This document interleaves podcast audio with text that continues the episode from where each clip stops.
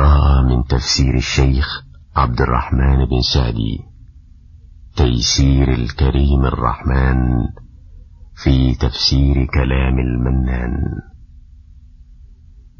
تقديم الشيخ محمد العرفج. أعوذ بالله من الشيطان الرجيم. بسم الله الرحمن الرحيم. إذا السماء انشقت وأذنت لربها وحقت وإذا الأرض مدت وألقت ما فيها وتخلت وأذنت لربها وحقت. يا أيها الإنسان إنك كادح إلى ربك كدحا فملاقيه.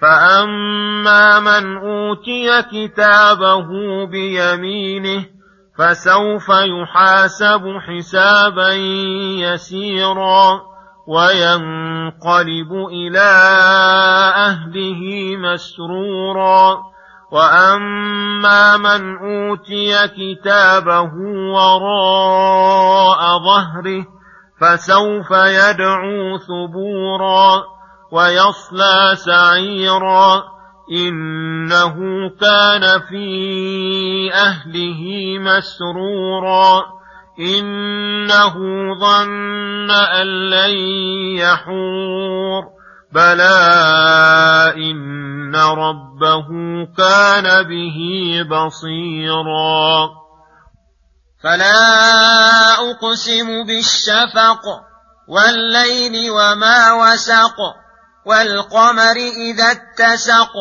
لتركبن طبقا عن طبق فما لهم لا يؤمنون. وإذا قرئ عليهم القرآن لا يسجدون. بل الذين كفروا يكذبون. والله أعلم بما يوعون. فبشرهم بعذاب أليم إلا الذين آمنوا وعملوا الصالحات لهم أجر غير ممنون. بسم الله الرحمن الرحيم.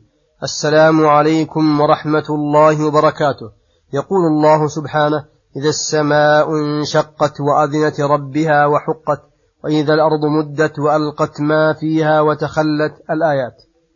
يقول تعالى مبينا لما يكون في يوم القيامة من تغير الأجرام العظام إذا السماء انشقت أي انفطرت وتمايز بعضها من بعض وانتثرت نجومها وخسف شمسها وقمرها وأذنت ربها أي استمعت لأمره وألقت سمعها وأصاخت لخطابه وحقت أي حق لها ذلك فإن فإنها مسخرة مدبرة تحت مسخر تحت مسخر ملك عظيم لا يعصى أمره ولا يخالف حكمه.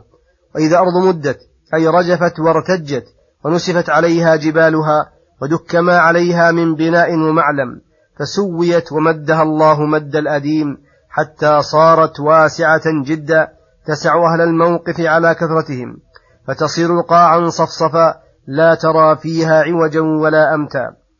وألقت ما فيها من الأموات والكنوز وتخلت منهم فإنه ينفخ في الصور تخرج الأموات من الأجداث إلى وجه الأرض وتخرج الأرض, وتخرج الأرض كنوزها حتى تكون كالأسطوان العظيم. يشاهد الخلق ويتحسرون على ما هم فيه يتنافسون. وأذنت ربها وحقت يا أيها الإنسان إنك كادح إلى ربك كدحا فملاقيه. أي إنك ساع إلى الله وعامل بأوامره ونواهيه. ومتقرب إليه إما بالخير وإما بالشر. ثم تلاقي الله يوم القيامة. فلا تعدم منه جزاء بالفضل أو العدل. بالفضل إن كنت سعيدا. وبالعقوبة العادلة إن كنت شقيا. ولهذا ذكر تفصيل الجزاء فقال فأما من أوتي كتابه بيمينه وهم أهل السعادة فسوف يحاسب حسابا يسيرا. وهو العرض اليسير على الله فيقرره الله بذنوبه. حتى إذا ظن العبد أنه قد هلك قال الله تعالى إني سترتها عليك في الدنيا وأنا أغفرها لك اليوم وينقلب إلى أهله في الجنة مسرورا لأنه قد نجا من العذاب وفاز بالثواب. وأما من أوتي كتابه وراء ظهره أي بشماله من وراء ظهره فسوف يدعو ثبورا من الخزي والفضيحة وما يجد في كتابه من الأعمال التي قدمها ولم يتب منها. ويصلى سعيرا. أي تحيط به السعير من كل جانب ويقلب على عذابها. وذلك إنه كان في أهله مسرورا. لا يخطر البعث على باله. وقد أساء.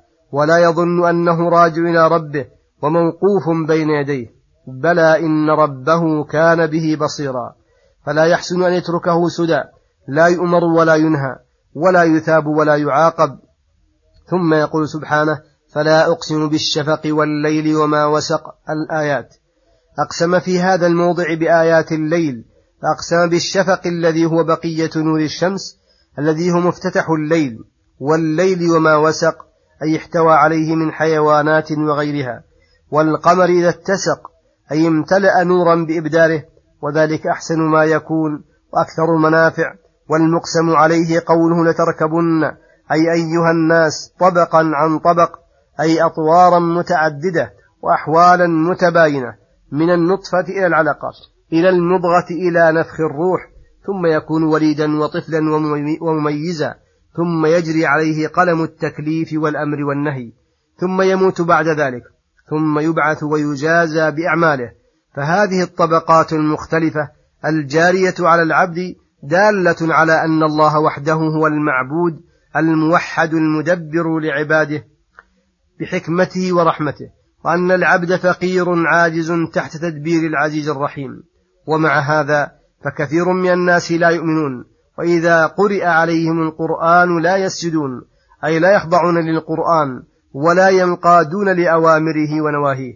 بل الذين كفروا يكذبون أي يعاندون الحق بعدما تبين فلا يستغرب عدم إيمانهم وانقيادهم للقرآن فإن المكذب بالحق عنادا لا حيلة فيه. والله أعلم بما يوعون أي بما يعملونه وينوونه سرا. فالله يعلم سرهم وجهرهم وسيجازيهم بأعمالهم. ولهذا قال فبشرهم بعذاب أليم. وسميت البشارة بشارة لأنها تؤثر في البشرة عموما في البشرة سرورا أو غما. فهذه حال أكثر الناس التكذيب بالقرآن. وعدم الإيمان به ومن الناس فريق هداهم الله فآمنوا بالله وقبلوا ما جاءتهم به الرسل فآمنوا وعملوا الصالحات فهؤلاء لهم أجر غير ممنون أي غير مقطوع بل هو أجر دائم مما لا عين رأت ولا أذن سمعت ولا خطر على قلب بشر والحمد لله وصلى الله وسلم على نبينا محمد وعلى آله وصحبه أجمعين. إلى الحلقة القادمة غدا إن شاء الله. السلام عليكم ورحمة الله وبركاته.